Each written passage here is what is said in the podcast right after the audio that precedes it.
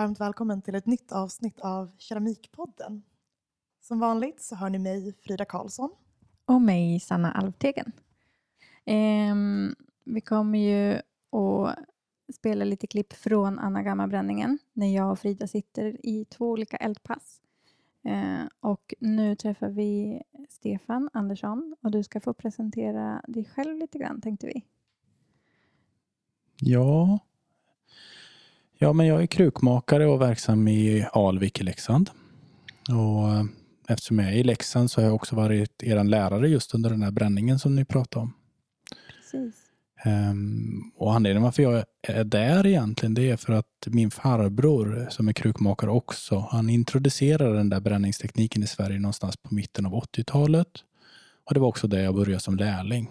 Så efter den punkten så har liksom vedbränning varit en naturlig del av mitt skapande. Då. Just det. Mm. Och hur, om vi börjar från början med, med leran, hur du kom i kontakt med den, var det också via din farbror? Ja, jo men det är det ju. Jag har jättemycket minnen runt hans krukmakeri från när jag var ung.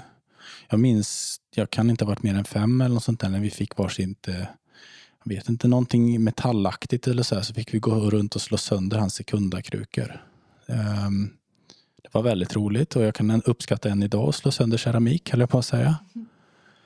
Um, och så finns det lite bilder på hur jag rör mig runt ugnar och sånt där. Men jag var ju aldrig delaktig eller intresserad egentligen utan mer att det var en spännande sak för barn att se sådär.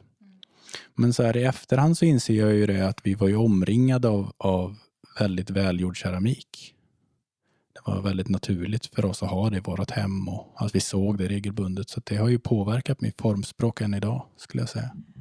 Men eh, hur kommer det sig att det då blev leran som blev ditt material? Jag förstår att, det ja, men att, att du omgavs av keramik redan från att du var barn. Men vad ser du i ja. leran idag? Vad är fördelarna och nackdelarna? Mm, ja, det blir, jag, jag tar, tar det i två frågor då. Alltså, anledningen varför jag landade i keramiken, det var ju helt otänkbart för mig. För jag var ju en datanörd genom hela tonåren och jobbade med datorer och var helt inställd på att bli programmerare. Eh, men jag tröttnade på det livet ganska mycket. Så när jag kom till Leksands folkhögskola då, då hade jag sålt min dator och trodde att jag aldrig skulle köpa en igen i princip. Men som så många andra så formade jag om mig själv under folkhögskoletiden och förstod att jag kunde kombinera de där sidorna av mig egentligen. Um, och sen var det en fråga till om jag, om när jag skulle dela upp det där. Vad var det? Jag tror det var leran som material. Ja, men jag gillar att skapa. Ja. Alltså, skaparglädje finns ju hos mig och jag har alltid velat göra själv. Nu sitter vi i ett växthus som jag har snickrat själv om man säger så. Även om jag har tagit mycket hjälp av min far och min fru och, och internet för att få ihop det. Men, men alltså att göra själv är ju roligt. Um, så det, det är nog egentligen det. Leran i sig har jag inte någon så här ypperlig kärlek för som många andra yttrar utan det är mer ett material som är väldigt formbart, mm. följsamt och spännande att jobba med. Och så är det liksom, ja men jag hörde något så fint eh, häromveckan, då var det någon som sa att man skulle se på sig själv och andra med vad var det, en kärleksfull blick eller något sånt där. Ja, men jag, jag, jag, tänker att jag ser på, nej, ser på sig själv och andra med förlåtande blick. Mm. Och så ser jag på lera, kom jag på då. Att jag, ja, den har sina egenheter, den gör si och den gör så. Men det är liksom min kompis vid det här laget. Vi har jobbat tillsammans länge. Ja, eh, det, det kändes som att, eh, jag, att jag missade något där. För du sa att du höll på med programmering. Och sen kom du till Leksands folkhögskola. Hur, hur kom du till Nej. Leksands folkhögskola? Nej, men jag jobbade då. Um, jag gick på uh, högskolan uh. och läste svenska och tyckte det var så tråkigt. Så då flydde jag till min farbror som höll på att bygga en utsmyckning. Mm. Och han behövde handräckningshjälp. Så att under det första året hjälpte jag egentligen bara honom i hans produktion. Och sen så lånade vi en drejskiva så jag kunde sitta och jobba där också och så sakta men säkert så hade det gått fyra år. Mm. Och då hade han vettet nog att säga åt mig att, att faktiskt söka kunskap någon annanstans också. Mm. Och det är jag väldigt tacksam för idag för det vidgade mina syn, min vy väldigt mycket. Liksom. Mm. För keramik är så mycket bredare fält än vad man någonsin kan liksom fånga hos en person egentligen. Och det är ju där skolorna är så bra, för man får se så mycket mer än vad man får om man bara är så lärling. Mm. Styrkorna med lärling är ju många också. Man får ju se hur det faktiskt är att överleva i verksamhet och sådär. Men eh, ja, båda kommer med fördelar och nackdelar. Så då blev du uppmuntrad att söka eh, mer kunskap eh, i, i Leksand och där läste du i Två, Två år. år. Ja. Mm. Han, på, han träffade min fru Matilda också som också är keramiker. Och så jobbade vi, har vi i princip jobbat parallellt sedan dess. Vi gick vidare till HDK, eh, Högskolan för design och konsthantverk, där vi läste keramik. Där tog jag en bachelor och så fick vi barn och så drog det ut på tiden och min fru tog sin master. Ehm, och så hade det gått sju år. Det är så det är. Och efter att ni eh, hade avslutat studierna på HDK, gick det då snabbt innan ni byggde upp egna verkstäder? Eller? Mm, Ja, men jag har alltid varit av den uppfattningen att man bygger verkstad med det man har precis där man är. Mm. Att man inte ska drömma om den perfekta studion innan man jobbar. Och det försöker jag säga till så många som jag bara kan när jag ser dem. För det är så vanligt att man just fastnar i drömmen av att vara. Jag lyssnade på en författare när jag var ganska ung och jag minns hans vad han sa. Han kom in på en sån här författarskola i Göteborg där det bara finns fem platser eller något sånt där. Och man måste i princip vara publicerad för att komma in. Och han sa att första året så hade de bara fullt upp med att vara författare så de skrev ingenting. Och den där historien har jag hört från så många skapande genom åren så jag tror att det är ganska vanligt att man fastnar i det. Ja, Jag känner igen att du har sagt det till mig Ja. någon gång. Att man kan gå och vänta på, på liksom det perfekta huset för att bygga sin verkstad eller så kan man bara börja skapa. Ja. Jag tänkte, förutom att din, din farbror håller på med vedbränning, vad är det som du tror att har gjort att du har fastnat för vedbränningen? Vad är liksom tjusningen med det? Jag tänker att det är ganska mycket jobb och, och ganska, ett ganska slitsamt sätt att jobba med keramik på. Men vad, vad är tjusningen? Ja. ja, det är en bra fråga. Jag får den ganska ofta också. Um, ja, men dels är det bundet till en viss typ av estetik eh, som är väldigt eh, just tillåtande för leran och dess egenheter. Um, men det kan man ju jobba med vissa glasyrer och sånt där som faktiskt är väldigt tillåtande också. Nej, men jag kan uppskatta det här när man jobbar tillsammans med naturen för att skapa någonting. Och man gör det delvis när man gör med lera, men när man köper de här lerorna, de här massorna från, från olika keramikindustrier så är de ganska döda i sig. Och när man börjar titta på gammal keramik som jag uppskattar så mycket så har de så mycket mer liv och då inser man ganska fort att det sitter i, i det naturliga i bränningen och den naturliga leran. Så det är väl i jakt efter de där uttrycken som är mm, mycket mer personlighet i sakerna Mm. än vad det får plats i industriformat gods. kan också verkligen känna igen mig i det. Eller att ibland kan man få en sån himla distans på något sätt till det man gör. Eller som min elugn, man trycker på en knapp och så går man därifrån och så två dagar senare öppnar man den. Ja. Som att man inte riktigt förstår liksom, processen eller vad som har hänt. Att, Nej, det blir ju ett glapp såklart. Men det finns ju också en väldigt skön del av det, att man kan jobba väldigt snabbt och Mm. gå vidare på nästa projekt och sådär. Men sen, sen så uppskattar jag också leran väldigt mycket precis när den har torkat lite grann. Bara har ett skimmer över sig sådär. Och ibland så upplever jag det som att vedugnen skapar den, det uttrycket i lera igen. Mm. Så det är väl någon estetik som jag inte är ensam om att tycka om. Jag tror att de flesta krukmakare älskar liksom det här tillståndet av lera ganska Ja. mycket. Man Det gillar in, det är väldigt, jag tror det är väldigt få som tycker om skröjade krukor. Men det kanske finns sådana där ute också. Mm. Känner ni det? Att skröjade krukor är det vackraste som finns?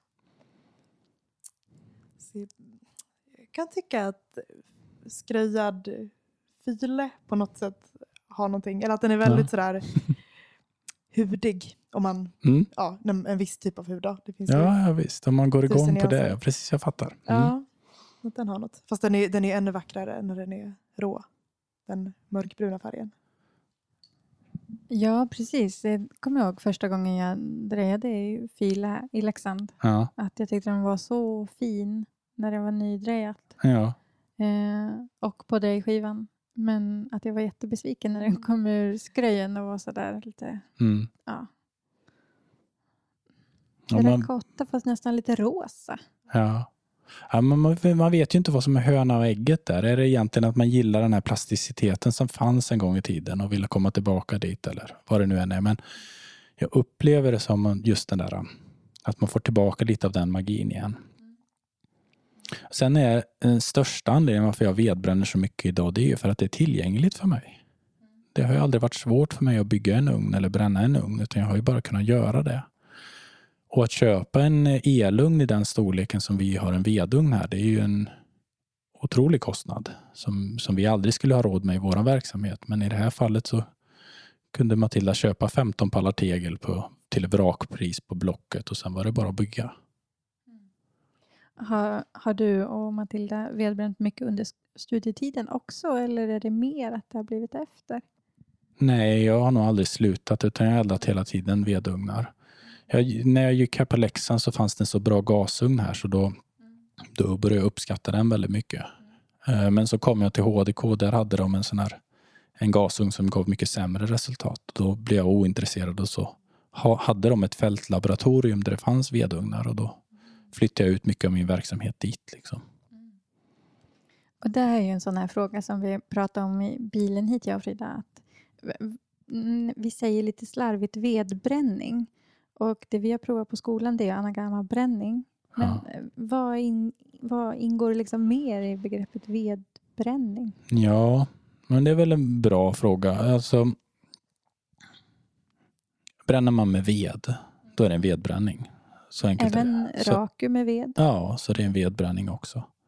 Däremot när man säger vedbränning, och det här blir ju lite slentrian och sådär och det glider hela tiden i betydelser. ehm, då brukar man mena att det blir effekter av veden på godset. Så om man tänker sig en supereffektiv vedugn, då syns det ju inte ens att det är vedbränt. Utan då ser det ut som att det är gasbränt eller så. Ehm, så att det, det glider lite i betydelse. Men eldar man med ved kan man säga att det är en vedugn. Eldar man med olja så är det en oljeugn. Eldar man med gas så är det en gasugn. Och el så är det en elugn. Och det är egentligen inte mer än så. Eh, vad är det då som gör eh, en anagama-ugn till en anagama-ugn? Ja, ja, det där är också jätteslarvigt egentligen. Och lite orättvist skulle jag säga. Anagama-ugnen, anagama är då ett, ett japanskt ord som betyder gropugn eller kammarugn eller liknande. Ehm, och den typen av ugn hade funnits i nära tusen år i andra delar av världen innan japanerna hittade på den så att säga. De, de importerar ju den som alla, all annan keramikkunskap från Kina och Korea, ofta genom krig. Ehm, så egentligen borde det inte heta anagama-ugn utan det skulle kunna heta någon av de här andra primitiva ugnarna på något kinesiskt ord eller något koreanskt ord eller Thailand finns det många varianter på den här ugnen också. Så men när man säger anagama då syftar det egentligen på något, det som hände i världen någon gång på 50-talet eller kanske något senare när mm, mycket japansk kunskap spreds över västvärlden i form av keramik och då kom anagamaugnen med i det paketet. Eh, och då syftar man på ugnar där elden och veden ligger väldigt nära krukorna i en och samma stora rum. Sådär. Och då, då händer det mycket speciellt med krukorna. De får mycket mera naturliga askor på sig som smälter, mycket mer eld och lågor på sig och så ligger de nära glödbädden så de blir raggiga och lila och blå utav den. Och allt det där är förknippat med anagamagnens speciella primitiva förbränning. Mm. För man kan inte bygga en vedugn för stengodstemperatur mycket mer primitivt än så. Helt enkelt. Men eh, jag har förstått att det, att det ändå finns en del skillnader kanske inom också begreppet anagama. Jag tänker skillnaden på din ugn här nere i backen mot den vi har på skolan? Ja. Skulle- Alltså, I och med att det där ordet började användas synonymt med primitiva förbränningsugnar så började de blandas ihop med massor med olika designer som har utvecklats över hela världen. Som I Amerika så fanns det en ugn som heter Groundhog Kiln som var en saltugn som de använde eh, mitten av 1800-talet som är ett halvt rör ungefär. Om man- kan tänka sig det. Så man brände i ena änden och så saltar man saker i den. Och man gjorde glasyrer av eh, krossad, eh, krossat glas från eh, buteljindustrin och sådär. Så det är en typ av ugn. Sen gjordes det, fanns det en liknande mm, typ av ugn i Thailand som har en viss form och i Korea och Japan, Kina fanns det andra typer av ugnar. Och det där blev som ett mischmasch sedan som har blandat ihop sig över hela västvärlden då, till massor med olika ugnstyper och idag finns det även moderna eh, ugnar som försöker härma anagama-ugnar. Och då kan man kalla dem för anagama men egentligen kanske man skulle kunna kalla dem något annat eller sådär. Men det finns ju inte en anagama-ugn som är lik en annan utan alla har ju sin egen design för det finns ju ingen manual på hur man ska göra och de har sett ut på massor med olika sätt över 2000 år. Så att, ja, det går inte att dra några klara linjer helt enkelt. Nej. Nej, för när, när jag började i Leksand då tänkte jag nog att Anagama ugn det är en sån här lång smal Mm. iglo, eller vad jag ska säga att formen är på den ugn vi har på skolan. Men du har ju visat din ugn här och den är, den är lite annorlunda.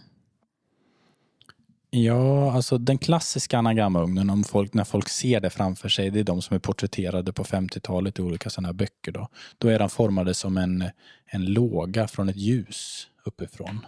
Så att de är sådär smalnar av mot slutet, alltså närmast skorstenen och så är de breda i andra änden. Ehm, och så är de är valvade som ett valv, hela formen så att säga.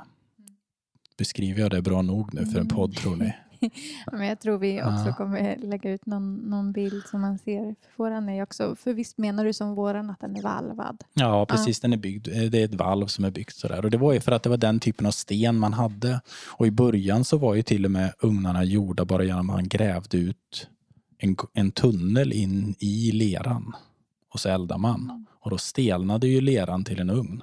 Så de var ju helt ingrävda under mark då. Mm. Så det var en väldigt, eh, ja. Det kan vi tyvärr inte göra i Sverige för att all lera vi har i våra marker, de smälter ju vid 1100 grader. Mm. Så det finns liksom ingen möjlighet. Men i Japan och ja, Amerika och neråt eh, Tyskland och sådär skulle det säkert vara möjligt. Där det finns mycket stengodsleror i backarna. Då. Ehm, ja, men så, så ser den klassiska anagama-ugnen ut. Då. De är oftast ganska små. Man får verkligen kräla för att komma in i dem. Mm. Ehm, och sådär. Och det tog rationella amerikaner och gjorde större och högre varianter på och så vidare för att få ehm, andra former.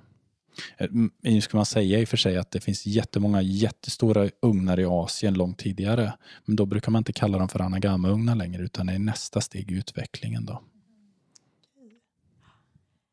Men eh, Det måste gå åt jättemycket ved då om man har en, en större. Jag tycker det går åt så himla mycket ved bara när vi eldar. Eller? Ja, jo men det gör det. Um, och det är ju hela syftet också. För mycket ved blir mycket aska och då blir det mycket effekter på krukorna.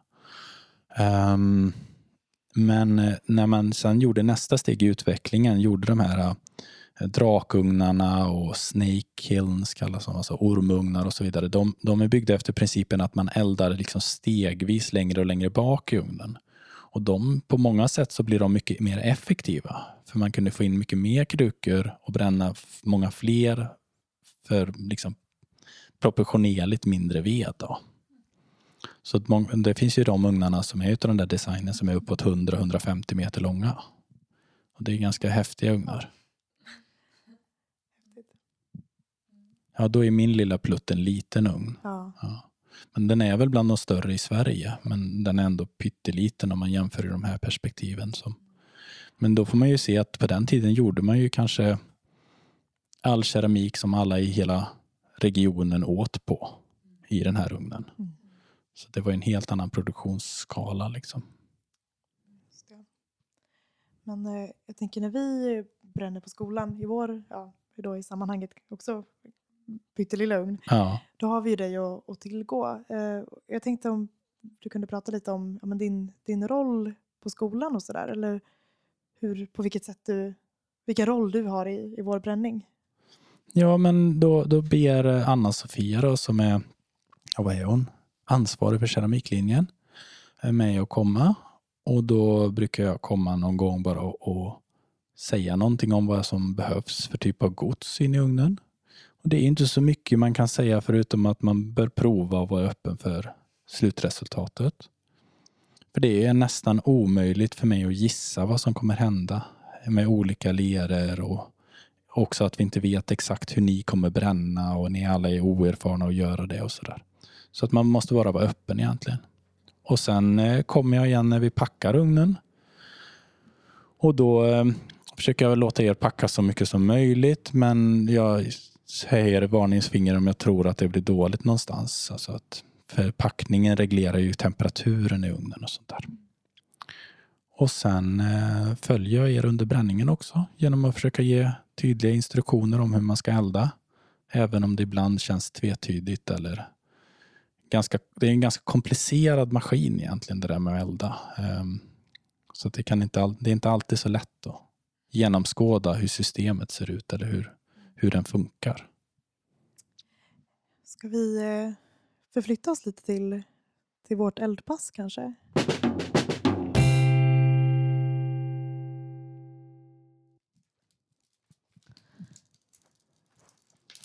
Ja, nu har vi tänt Anagama-ugnen. Det gjorde vi i morse, halv nio. Så stod väl nästan hela klassen här nere vid ugnen och så började vi puttra på. Ja, men så man tänder en kamin helt enkelt. Lite smått i början och så lite större och större. Och då eldade vi ner till i ugnen bara egentligen. Vi har gjort så att vi har eh, gjort ett schema med fyra timmars pass och vi är alltid två stycken från klassen som sitter på varje pass. Ehm, särskilt när vi har kommit igång med eldningen så är det ganska, ganska mycket att, att göra. Så att det är skönt att vara två så man kan bytas av lite. Det blir också väldigt varmt längst fram vid ugnen så att det, det är också skönt att kunna byta av mellan det. Ja, så vi började i morse och eh, det som har hänt är att vi har sakta, ganska sakta gått upp till 200-300 grader och sen efter det har vi ökat lite ytterligare. Och allt det är skröjat som är i vår ugn. Så att eh, den enda fukt som ska vara, det är, eller ja, det, det, är den fukt egentligen som, som kan ha blivit när, när det har packats här och från, eh, från eventuell glasyr som är på. Så därför smyger vi upp lite till 200-300 grader så att den fukten försvinner och sen stig, har vi stigit lite snabbare. Så när vi kom hit, du och jag Frida, vid eh, åtta. Mm, då var väl ugnen på, jag tror att den var på 775 grader när vi tog över. Mm.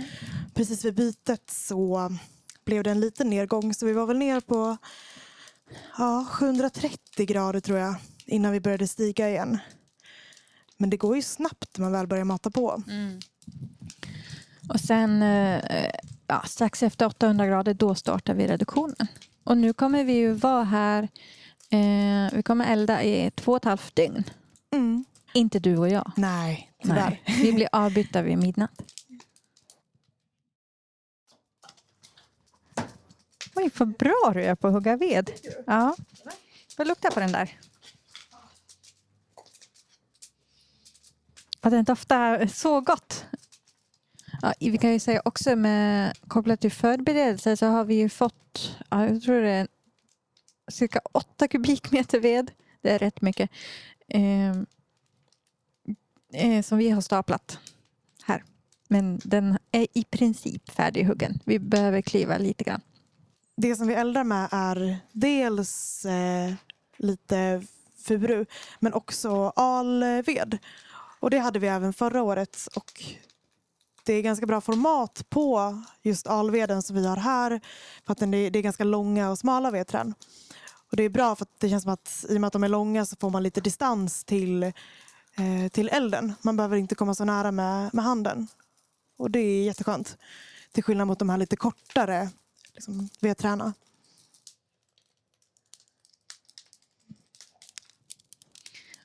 Och nu är det liksom sol som håller på att gå ner. Klockan är halv nio ungefär. Och helt blå himmel. Och fåglarna kvittrar. Frida hugger ved. Och jag lyssnar på det här smattrandet och fåglarna.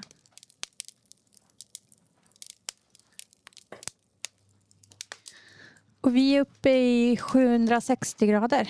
När vi är uppe i 800 kommer Stefan hit och hjälper oss att starta reduktionen. Det blir spännande.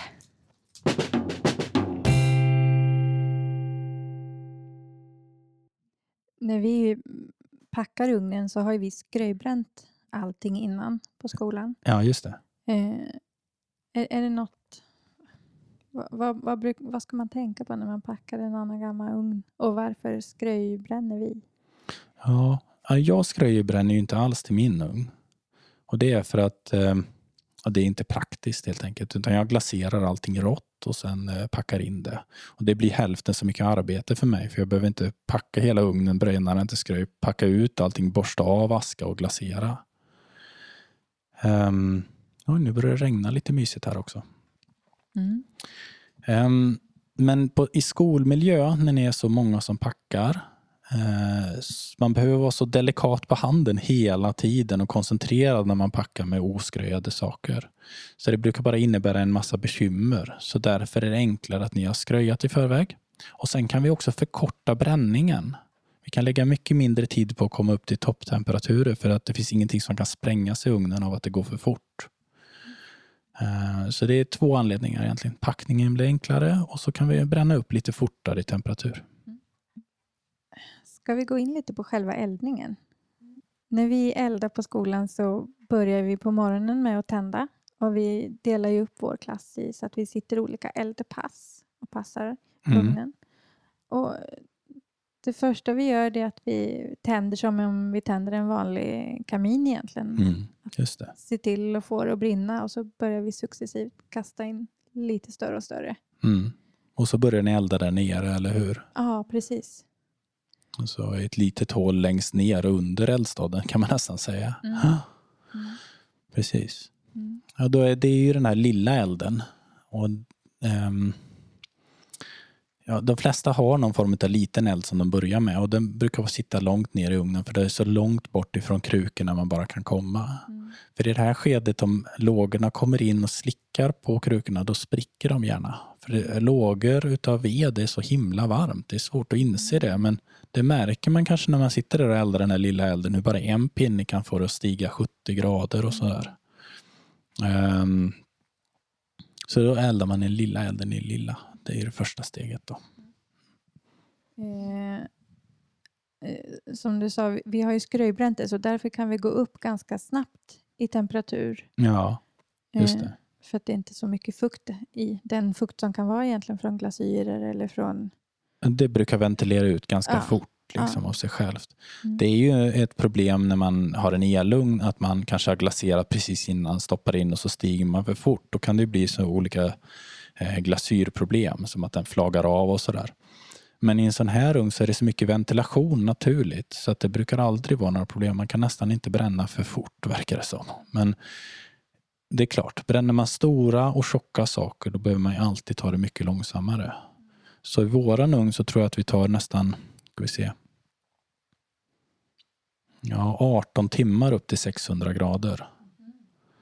Ehm, och det är ju mycket långsammare än vad vi gjorde när eh, vi brände hos er, eller hur? Mm. Men där hade ni skröjade saker och små saker bara. Så då kunde man elda mycket, mycket fortare. Ja. Så egentligen så var det inte så mycket att tänka på för oss där i början. Mer än att bara fortsätta elda Nej, Första- fram till. Ja, fram till 1000 grader ungefär så funkar elden Mm. ungefär som en vanlig brasa. Lägger man på mer ved så stiger det.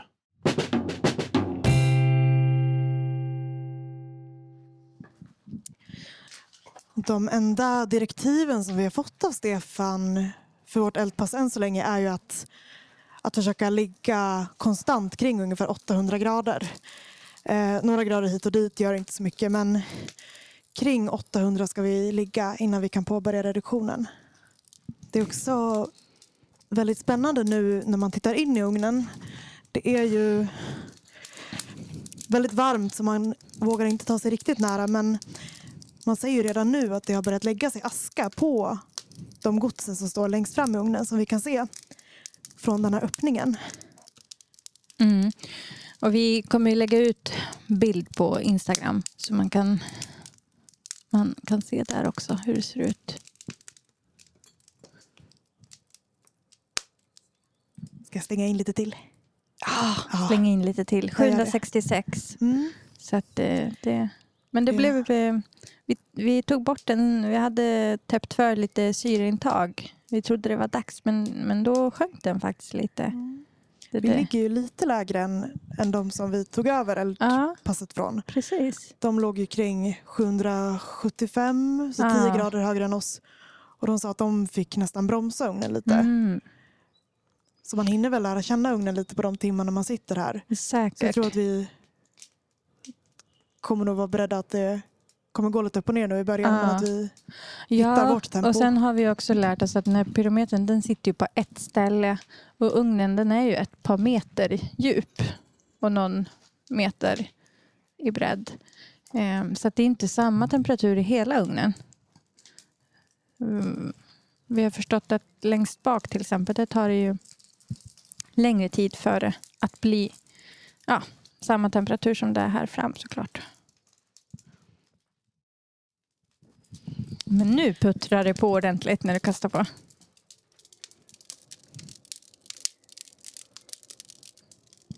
vill inte råka smälta puss, pu, pussskyddet, puffskyddet. Nej, men vi vill ändå gärna få med ljudet. Ja. Mm. Vi, Det känns lite som naturmorgon här med fågelkvittrandet. Verkligen. Mm. Och nu kommer det nästan lite svart rök ur skorstenen. Gör det? Titta. Ja. Men det hade det även Ja. gjort under förra eldpasset fick jag höra. Ah, Okej. Får fråga Stefan om det. Mm. Ja, för det, det minns jag att vi var lite oroliga för i och med att vi, eh, det hade börjat ryka lite ur skorstenen redan innan vi Mm. skulle aktivt påbörja reduktionen. Ja. Och precis, det, det är kol som då kan skapa de här blåsorna. ja, precis. För att om, om kol binds inne i leran, man får något som kallas på engelska black coring, alltså svart kärna. Så om man spräcker krukorna efteråt så ser man hur de är alldeles svarta inuti, som grafit, som blyertspenna inuti. Och det här kolet, om man går upp i temperatur, då börjar väggarna och glasyren tätna. Men kolet är inbundet fortfarande i. Så om man då pendlar över i oxidation, då kommer det där kolet vilja alltså att sluta ryka av någon anledning, kanske emellan pålägg eller så. Då kommer det här kolet vilja komma ut eller växa eller hur man nu ska beskriva det, försöka brinna upp. Mm. Och då sväller det till blåsor för det kan inte ta vägen någonstans för det är innestängt i leran. Mm. Så har jag i alla fall förstått Mm. det. Och i princip så vet jag ju inte att det är så. Men vi ser resultatet, att eldar man på det sättet då får man blåsor. Så därför undviker vi att elda på det sättet. Och så är det med mycket vedbränning. Ja. Det finns så mycket teorier om varför saker händer. Och de kanske är lagom intressanta. Det som är riktigt intressant är bara att veta det här bör jag undvika, det här bör jag undvika och så här bör jag göra för att inte få problem. Mm. Jag tyckte du sa en, eh, en bra grej. Du sa flera bra grejer, men det var en grej som jag kommer ihåg så väl. Att du sa att eh, det finns så många olika sätt att vedbränna, men det är ingen som vedbränner som skulle säga att jag gör fel. Nej, och det där är ett citat från min farbror. Ah, det tyckte jag var bra summerat av honom. För, det är, man, för varje vedbrännare så hittar man olika vedbrännarteorier om Mm. varför man gör si och så. Ofta förknippat med att man tycker att sin bränning ger just bäst resultat. Mm. Men det är ju det är estetik det handlar om. Vad man tycker om i slutändan. Så att det är ju inte mer än så. Vi lever ju i en så här pluralistisk värld idag. Det borde... Ja, man får bara inse att vi har lite olika smak även när det gäller vedbränning. Ja, precis. Mm. Eh, när vi går på vårt eldpass, jag och Frida, som vi hör lite ifrån, eh, då är klockan åtta på kvällen första dygnet. Eh, och vi sitter till midnatt. Och när vi kommer så är det kring 700 grader. Mhm. Och vi har fått information från dig att vid 800 grader, då ska vi kontakta dig, för då ska vi börja reduktion. Mm. Okej. Varför ska vi göra det? Ja, men det är sån här basal kunskap för att reducera lera som vi pratar om då. man har ett fönster eh, när man kan reducera leran på ett bra sätt. Och när det fönstret ligger exakt är olika för olika leror. Så vissa, vissa leror kommer man bara åt där vid 900 grader och sen vid 1000 grader så är det för sent att göra det. Och vissa leror kan man reducera ännu högre upp, men det är olika. Och eftersom vi inte känner alla era leror i er ugn så att säga, så, så börjar vi go med god marginal. Och det är 800 grader. Då. Och när vi börjar vid 800 då, har vi då är, vi, är vi förbi den här risken av black coring med marginal också. Alltså att det skulle bli övermättat utav kol i leran. Och om man tittar in i ugnen så glöder alla krukorna med en eh, varm röd färg. Sådär. Mm. Mm. Ja, precis. I, när vi gick på passet så kunde vi faktiskt titta in i ugnen utan problem och man kunde se att det hade lagt sig lite aska och sådär. Mm. Men eh, ja, precis. Mm. Men sen blev det ju svårare och svårare. När... Och, och, den här glödande färgen den började dyka upp vid 600 grader ungefär. Fast de mm. allra det är ganska svårt att uppleva den här glöden ifrån krukorna. Det är inte alla som gör det första gången. Så det är roligt att ni såg det. Men många de ser inte den vid 600 grader. Jag kan väl se den om det är mörkt ute. Mm. Så ser jag det ganska bra. Men vid 800 grader så är det väldigt tydligt att det glöder. Mm. Man kan titta på insidan av krukor där det normalt hade varit skugga. Att det lyser lite där. Då kan man kanske uppleva glöden. Men det är helt enkelt som, som om man bränner med en gasbrännare på metall så börjar det ju glöda också. Det är precis det som händer. Ja. Så finns det liksom en skala man kan titta mm. på där eh, glöden går från mm, körsbärsröd vid 600, röd vid 800 och sen går det upp mot orange och gult och slutligen vitt vid 1300 grader. Ja.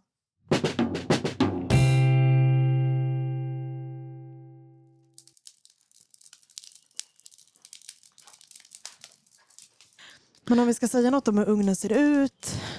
Vad tror du Sanna, hur, hur många meter lång är den?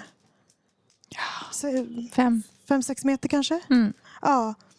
Eh, så en lång... Eh, Som en lång iglo. Ja, en lång iglo och i bortersta änden längst bort ifrån där man eldar så har vi skorstenen som då går upp. Och en ganska lång och stor skorsten har vi fått höra. Ja, precis. Att en del vedbrännare har eh, ja, kortare skorsten och kanske inte lika bred heller. Mm. För då, som vi har förstått det, så i och med att vi har den här stora skorstenen så blir det också ett större sug. Att mycket mm. luft eh, åker upp i skorstenen och kallare luft kommer alltså snabbare in i ugnen. Mm. Vilket då gör att avsvalningen blir, eh, blir snabbare. Mm. Vilket ju också påverkar eh, resultatet på olika ja. sätt. Hur skärven ser ut och glasyrerna. Mm. Och vi får ju lära oss hur vi vedbränner här. Men det finns ju många vedbrännare i landet och i världen som säkert eh, ja, men man hittar sina sätt. Men här har vi ju, på skolan så skröjbränner vi ju allt innan. Eh, och det är mycket för att vi ja, inte ska råka ut, minimera risken för att saker sprängs. Helt enkelt för att det är fukt i dem. Så så här skruvbrände vi innan men vi vet att eh, det är inte alla som gör det. Men eftersom vi är 17 pers som eh, delar på det här utrymmet i ugnen så är det väl det är nog klokt att göra på säkra sätt. Så där, då hade vi precis besök av Stefan som har gett oss lite feedback här. Han tyckte väl överlag att det såg bra ut men han var lite orolig när han kom eftersom att det redan kom lite svart rök ur skorstenen. Vilket ju tyder på att vi delvis hade börjat reducera i ugnen. Um, han trodde att det var att vi eh, har lagt på kanske lite för många vedträn åt gången och att ja, vi på så vis kanske började reduktionen lite tidigt. Men eh, det kändes som att han inte trodde att det var, skulle vara någon större fara. Um, och nu har vi medvetet startat reduktionen och är i full gång med det. Ja. Men vad är vi uppe i för temperatur nu? Ska jag se på. Titta på vår pyrometer här. 960 grader. Ja. Och när vi började så låg vi kring 770 eh, så nästan 200 grader har vi stigit nu då. Och klockan är mm, strax 10. Och det som vi gör nu när vi har påbörjat reduktionen det är att vi lägger i oh, det fyra vedträn ungefär åt gången. Liksom ett knippe som vi slänger in. Och eh, vi ska se till så att det hela tiden strömmar den här svarta röken ur skorstenen. Och när den röken börjar sina så är det dags att lägga på mer ved. Det är eh, extremt varmt framför ugnen nu. Och då är vi inte ens uppe i tusen grader men det är redan svårt att liksom titta in i öppningen och det verkligen strålar ut på benen så det är inte lång tid man klarar av att stå framför, framför ugnen nu. Nej, och när vi kom när den var på ja, strax under 800 grader då kunde vi titta in och se keramiken. Nu om vi öppnar luckan så det är jobbigt att titta in för det är så starkt ljus. Ja.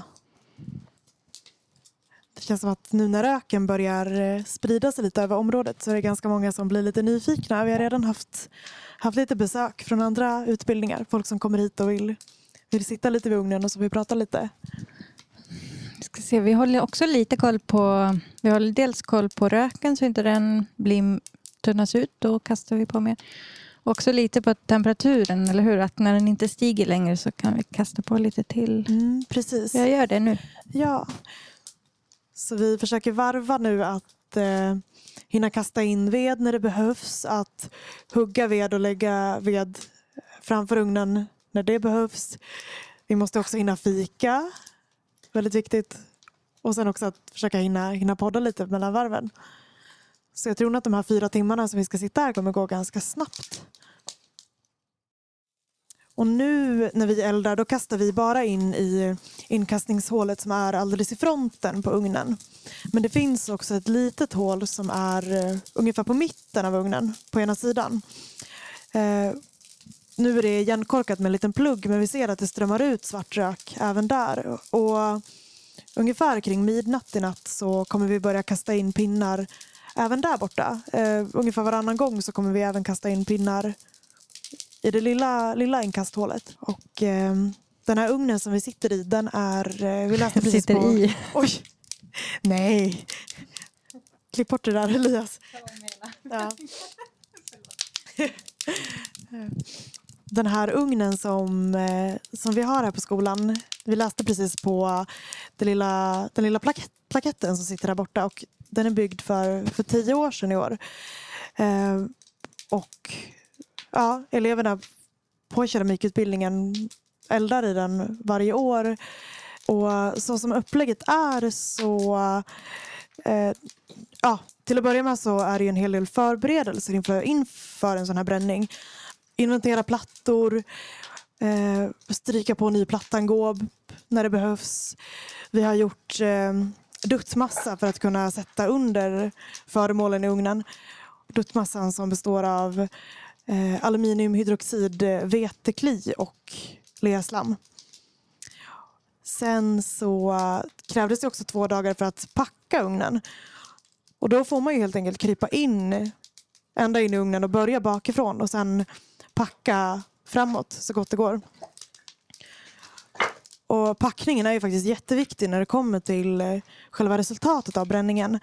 För det är ju elden och, och föremålen runt omkring som, som påverkar hur, eh, hur skiftningarna blir på, på skärven. Till exempel om, eh, om en kruka står väldigt tajt inpå eh, en annan kruka så kommer ju det bli en väldigt skarp skugga av den ena krukan på, på den andra. Så det kan man ju använda för att, för att skapa effekter på, på skärven. Vi har också provat att eh, packa med eh, en hel del organiskt material. Vi har några i klassen som har provat att lägga i ganska mycket vass och torkat gräs och sånt där som också kan ge, ge effekter. Man tänker att allt sånt ska, ska bara brinna bort när det är så höga temperaturer. Men, och det brinner ju bort men kan ändå lämna ganska häftiga märken och skapa effekter. Och även eh, snäckor kan man använda för att få dekorativa effekter.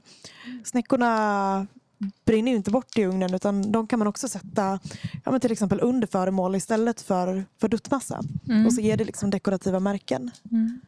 Men någonting gör ju ändå den här äh, höga värmen med snäckorna Jag märkte efter att jag hade några snäckor kvar från förra bränningen som låg vid min plats. Och när jag skulle flytta på dem så var de helt porösa och bara Mm. föll ihop i smul. Okej. Ja, men när jag tog bort dem från, från min eh, keramik så då var de som vanliga snäckor. Mhm. Oj, vad spännande. Vi får spara några från den här bränningen och se om det blir samma effekt igen. Fråga Stefan kanske. Något som, vi, som jag provade det var att ställa saker på eh, upp och nervända snäckor. Ja, ja, just det. Ja. Också en naturlig sån här packteknik innan man då hade setplattor och så. Mm. Um, och hur funkar det? Jo, men det, det funkar bra. Det blir lite fina märken liksom under till på om jag ställde en skål så. Ja. Vilka Ja, färg fick märkena? Ja, det, jag tror att de var liksom lerfärg. Ja. Ja. För de kan reagera lite olika snäckorna. Eh, Snäckor är inte bara snäckor utan de är väldigt olika också. Mm. Så vissa snäckor de lämnar ett vitt märke Ja. eh, och det är liksom resten av snäckan om man säger så på något Mm. vis. Och vissa snäckor de försvinner nästan helt och kvar blir liksom bara deformerad lera där. Mm. Fast de har fått lite snäckform. Mm. Ja. Det kanske var så det Ja, såg ut hos dig. Så det såg ut. Um, så det är olika snäckor olika. Och det är egentligen samma idé man leker med, ska man säga. Eh, Med vasset så var det ett överskott av kvarts som gjorde att den tålde mycket temperatur. Mm. Med snäckor så är det ett överskott av kalcium som gör det. Mhm. Ehm, krita är ju kalcium också och det har vi ju mycket i glasyrer. Mm. Så om man tar en, en lera till exempel, en vanlig stengodslera och så blandar man i kvarts eller kvart, blandar i krita. Ehm, någonstans vid 30% krita i, då blir det en glasyr, en transparent glasyr. Går man ännu mera högre, så här 40 och 50 procent, då blir det en matt glasyr. Går man upp till 60-70, då slutar den smälta helt. Och det är det vi leker med. Alltså Mm. att vi har jättemycket krita och det gör att den inte smälter och då kan den funka som sätt. Mm. Mellanlägg mellan krukorna då. Mm. Sättmaterial som vi kallar det då. Mm. Ja, och, och det var, dels var jag imponerad av att de höll, alltså snäckorna höll i ugnen. Ja, Men det som hände sen var ju flera veckor efter, för det här gjorde jag också i höstas när vi Mm. Det var att jag skulle flytta på de där snäckorna som hade legat på min hylla och var helt, de var ju hårda som snäckor när de kom ur. ja. Men då var de bara porösa. Aha. Är det för, för Det är för att du bränt dem. Ja. Du har kalcinerat dem heter det. Ehm, när vi ser det här, gips och cement och sådär, de leker med samma premiss egentligen. Att man, när man bränner krita. Ehm, det, som, det man har gjort är att, ja, nu är inte jag en kemist och jag vill inte ens vara det, men jag tror att det är så här. Om ni vill höra vad jag tror. Ja. Och jag vet att det finns folk som vet det här, så ni kan fråga dem istället. Men eh, det, det, det, den bindningen som är i dem, kemi, kemiska bindningen, den innehåller vatten. Och när man har bränt bort den, och det har man gjort när man gått upp till 1300 grader, så sitter är bara kritan kvar och sen så ställer man det i ett rum och då återfuktas den naturligt av luftfuktigheten och då faller den sönder. Mm. Så den faller ju bara sönder. Det blir som bara fnas kvar eller ibland bara damm. Eh, Så jag har liksom ganska grova stora snäckor där nere som har varit i ugnen och det ligger li- eh, liksom bara smul kvar av dem efter, efter en månad eller något sånt där. Så det tar lite tid för att göra det. Men det betyder att alla krukor går att rädda i princip för man bara lägger ner dem i en hink med vatten och så sakta men säkert så släpper de från varandra bara för att snäckan faller sönder. Mm. Och då kan man ju till och med glasera dem helt och hållet och stapla dem på snäckor så att glasyren ligger mot snäckan och sen så smälter snäckan bort efter bränningen om man säger så. Så många som bränner i gasugnar använder ju snäckor som mellanlägg också för att då kan man glasera allting om man vill. Det får vi ju testa. Och sen också placeringen av föremålen i ugnen spelar ju också jättestor roll.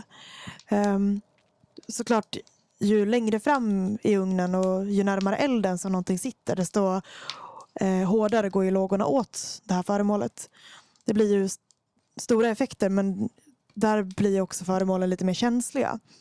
Till exempel så i och med att det är där vi, vi kastar veden så kan det ju hända att, att ett föremål kan, kan få ett vedträ på sig. Och det, Så det kanske är bra att inte ha de allra sköraste grejerna längst fram. Men det är ju rätt snyggt om man vill ha lite ruft. Ut, äh, ruft? Ja. ja, men det kan man väl säga. Mm. Ett problem som vi hade förra året, för vi har ju bränt Anagama vid ett tidigare tillfälle, så vi är långt ifrån experter på det här, men den lilla erfarenhet vi har. Ehm, det som var förra gången var att eh, det verkade ha varit väldigt kallt långt bak i ugnen. Vi bränner ju ganska snabbt och det hinner väl egentligen inte bli så mycket utjämning eh, av temperaturen. För även om, om pyrometern som vi har visar hög temperatur så kan det ju vara ja, men, 100 grader kallare en meter bakom. Och ja, Det som hade hänt förra året var ju att vissa glasyrer liksom inte ens hade smält ut som stod längre bak. Men det som vi har gjort nu är att vi har ökat temperaturerna, eller vi har, vi har stigit i grader mycket, ganska mycket snabbare än vad vi gjorde förra året. Och förhoppningsvis så kommer vi då kunna kunna ligga på en jämn temperatur lite längre i slutet av bränningen och på så vis jämna ut temperaturerna. Så förhoppningsvis så får vi lite jämnare resultat den här gången och lite varmare längre bak. Något som vi också har gjort under vårt eh, eldpass här det är att vi har tätat ugnen här fram. Eh, för när den blir varm så sväller den. Den liksom reser på sig. Eh, och här framme vid luckan där vi har murat igen, som var det sista vi gjorde när vi hade packat ugnen, så murar vi igen. Ehm, där, där har det blivit sprickor allt eftersom ugnen blev varmare. Så då har vi tagit lerslam blandat med sand och eh, penslat på. Och det är så varmt här framme så det torkar ju direkt. Och sen allt eftersom vi stiger i temperatur nu så kommer det nog att spricka lite igen så vi är beredda att pensla på mer. Sanna, har du med mycket grejer i ugnen eller hur är det? Vad har du med för, för saker? Eh, jag har med eh, egentligen bara drejade bruksföremål och kruk, krukor och vaser. Jag har gjort lite vaser i porslin som jag inte har glaserat. Eh, det tyckte jag var rätt läckert förra året när ja, det blev så härliga färger på dem. Och man såg verkligen ja, vart elden hade varit.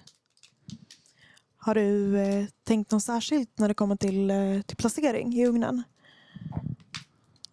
Nej, jag har ju valt mycket klassiska som man säger, reduktionsglasyrer som Celadon och Chino. Ja. Hur har du tänkt? Ja, inte, inte så mycket egentligen. Jag har försökt sprida ut mig ganska mycket i ugnen. Mest för att jag själv är nyfiken och kunna jämföra resultatet. Men eh, jag har ganska mycket i, i filelera i alla fall. Eh, I och för sig så tycker jag att den, den kan i och för sig bli ganska effektfull men det kan också bli lite tråkigt att ha, ha den helt oglaserad. Så jag har också gjort en hel del bruks där det är några skålar med en liten fotring eh, i filelera och sen angoberat dem med eh, porslinsangob på insidan. Och sen penslat på med en, eh, en kino inuti. Ja, ah, vi får väl se. Men, men jag ställde dem ganska, ganska långt fram i alla fall. Eh, jag tittade på en klasskompis grejer. Hon hade gjort några temuggar från, från förra året med den här kinon. Och den fick jättefina effekter. Eh, lite så carbon trap och lite... Oh, det drog nästan något guld på vissa ställen. Så det var, ja, de var verkligen jättevackra. Så en dröm hade ju varit att kunna få något liknande som det. Men det är väl lite det som är tjusningen och eh, det jobbiga med anagama. Att det är jättesvårt att få en bränning att bli lik den andra. Det är ju så mycket som spelar in. Valet av ved, eh, eh, hur ofta man kastar in när man börjar reducera, hur lång avsvalning det är. Och, ja, det är ju hur många faktorer som helst som kan spela in. Så jag tänker att jag får gå ut med ganska låga förväntningar men det kan ju bli något annat coolt. Ja, och vi som, drejer, äh, drejer vi som bränner så här äh, två gånger per år och vi är 16-17 pers, då kan vi ju inte hålla koll på exakt allt som, som vi gör, alltså alla andra grupper som sitter eldpass. Så att det blir svårt att säga om att eh, om det var för att vi hade den här veden som du fick den här effekterna. För att vi, vi har massa olika ved och vi är olika personer som sitter pass och vissa kanske kastar in mer ved oftare än vad vi gör och så vidare. Så det är svårt att säga vad, vad det är som, som gör att det blir som det blir. Ja, jo men verkligen. Det är väl en, en helt annan grej om man har sin egen ugn. Ja, men så som Stefan har egentligen. Han Mm. känner ju sin ugn väldigt väl och är med i, ja, men i hela processen. Mm. Visst, de byts av också men han har ju en helt annan insikt sådär, i, i den processen. Ja, den som, den som vedeldar ofta och i samma ugn, den har ju möjlighet att, att kanske skriva ner att ja, men nu kastar jag i, i, börjar jag reducerar vi den här temperaturen eller nu börjar jag kasta ved i ett, ytterligare ett hål eh, den här, efter så här många timmar. Så, så kan man jämföra med hur blev det jämfört med förra gången. Nu känns det som att vi ändrar ganska många faktorer. Eh, men vi skriver kanske inte ner det så noga. Eh, och, och framförallt så är vi ju... Ja, nästa gång vi eldar här så kommer vi vara en ny konstellation av människor. Nu är klockan snart halv tolv och eh, vi har bara en halvtimme kvar på vårt eldpass. Just nu är det lite kämpigt för vi står liksom och stampar kring 1030 grader och försöker komma uppåt. Eh, så vi testar lite olika, olika, olika taktiker för att nå dit. Just nu så provar vi att göra lite, lite mindre inlägg av ved fast att göra dem oftare. Det blir ju så att precis efter att man har lagt in veden så sjunker ofta temperaturen lite. Och vi har liksom svårt att eh, klättra upp så att vi kommer, kommer över där vi började. Så vi kämpar vidare med det.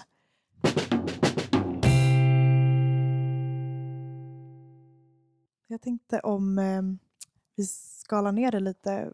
Vad är egentligen reduktion och hur påbörjar man en reduktion? Ja, men vad- bra. Alltså, reduktion är rök helt enkelt. Dålig förbränning kan man likställa det med också. Mm. Så reduktion och dålig förbränning det är ja, ineffektiv förbränning, ska man säga. Om, om man lägger på pinnar på en, eh, bra, en brasa bara så det börjar ryka, då är det reduktion som sker. Om man då stänger in det i en ugn så betyder det att hela ugnen fylls med rök. Mm. Och, och röken i sig den reagerar med krukorna. Den reagerar med leran i krukorna. Eh, Eller närmare bestämt oxiderna i krukorna. Oxiderna det är till exempel järn som är ganska förekommande i de flesta leror vi har att göra Mm. med. Och då stjäl den eh, syre ifrån oxiderna och gör dem till syrefattigare varianter. Och anledningen varför vi är intresserade av det, det är för att de syrefattiga varianterna av oxider är mycket mer färgglada. Så om man har en järnoxid till exempel så blir den i princip bara gul om man oxiderar. Alltså motsatsen, Mm. alltså helt klar bränning. Men reducerar man den så kan den bli blå, den kan bli grön, den kan bli röd, den kan bli lila. Alla färger man kan tänka sig. Eh, och det är därför vi gillar att reducera då. Men, men eh, om vi går tillbaka 2000 år i tiden så tror jag inte man reducerade för den anledningen utan det är också enklare att stiga i temperatur genom att få lite rök i ugnen. Och det märkte ju ni också att det rök lite när ni Mm. eldade och steg. För att det hjälper, det blir mycket som brinner, mycket som händer, mycket temperaturstigning. Så jag tror egentligen att de första reduktionerna var inte medvetna utan bara naturligt sätt att stiga bra med ugnen. Mm. Och sen eh, efter att vi hade reducerat ett tag, det var ju då vi började kasta in ved i det här bakre hålet på ena sidan. Eh, vad är syftet med det, det lilla hålet bak? Ja, många, de flesta anagrammaugnar som är moderna anagrammaugnar, de har många hål i sig istället. Ni har ju ett pyttelitet bara i princip. precis. Ja. Eller egentligen ett till på andra sidan också, men det är inte användbart egentligen. Mhm. Eh, och det är för att den är byggd efter en modell som Furutami har skrivit om i sin bok. Furutami är en jätteviktig person för återkomsten av anagramugnar. Det var han som forskade fram hur man hade gjort förr i tiden och skrev också en handbok om det som kommit ut på japanska och finns transkriberad också få tag i den som vill ha den på engelska. Um, idag finns det jättemycket bra vedbrännarböcker så man behöver inte läsa den boken, mm. men det är ursprungskällan. Då. Men de här sidohålen i alla fall, de är till för att kunna variera vad som händer i ugnen. Man kan ha dem till mycket. I vårt fall så mm. använder vi det för att kasta in ved där. Och då försäkrar vi oss om att det kommer in lite ved längre bak i ugnen. Då blir det lite mer aska långt bak i ugnen, lite mer temperatur långt bak i ugnen, men också mycket mer reduktion bak i ugnen. Där det annars skulle kanske lugna ner sig med reduktionen lite. För att det naturligt blir mindre och mindre desto längre bort man kommer från elden. Då. Jag tänker, vi pratade också lite om eh, just hur vi, ja, hur vi packade ugnen och så när vi, när vi satt där vid, vid elden. Men jag tänker just det här med att använda organiskt material som vass och gräs och sådär. Mm. Eh, det kan ju ge vissa effekter men jag tänkte om du ville berätta lite mer om, om det. Ja, alltså när man börjar jobba med vedbränning eller eh, överhuvudtaget intressera sig för hur man gjorde förr i tiden med keramik, då inser man ju att vi inte har haft det så bra som vi har det idag. De här setplattorna som vi tar för givet, den var inte alls någonting man kunde ja, det fanns ju inte förr i tiden. Utan man, fick, man hade som i bästa fall en stark lera som man kunde bygga primitiva kapslar av eller något sånt där och stapla i ugnen. Så för att kunna producera stora mängder bruksgods så fick man hitta andra sätt att stapla saker på varandra och bränna dem. Och Problemet i en vedugn är ju att saker klibbar ihop. Och där kommer vass in till exempel. Vass innehåller mycket kvarts och när det brinner upp så blir det som liksom ett skyddande lager emellan saker om man då har packat med vassen emellan. Då. Så då kanske man gjorde tallrikar, kanske man la tio stycken på varandra och så la man vass emellan och på så vis kunde man få isär dem efter bränningen. Medan om man inte la vassen där då skulle de klibbat mm. ihop och man hade fått gå sönder när man fick isär dem. Då. Jag tycker det där är så konstigt för att jag tänker att vass det är så sprött, det borde bara brinna upp. Ja, och det gör ju det. Men kvar blir bara vaskelett om vi ska säga det. Mm. Och det är väldigt mycket kvarts i det. I princip allting som växer runt omkring oss som växer fort mm. innehåller mycket kvarts. Det är lite mm. förenklat men i princip då.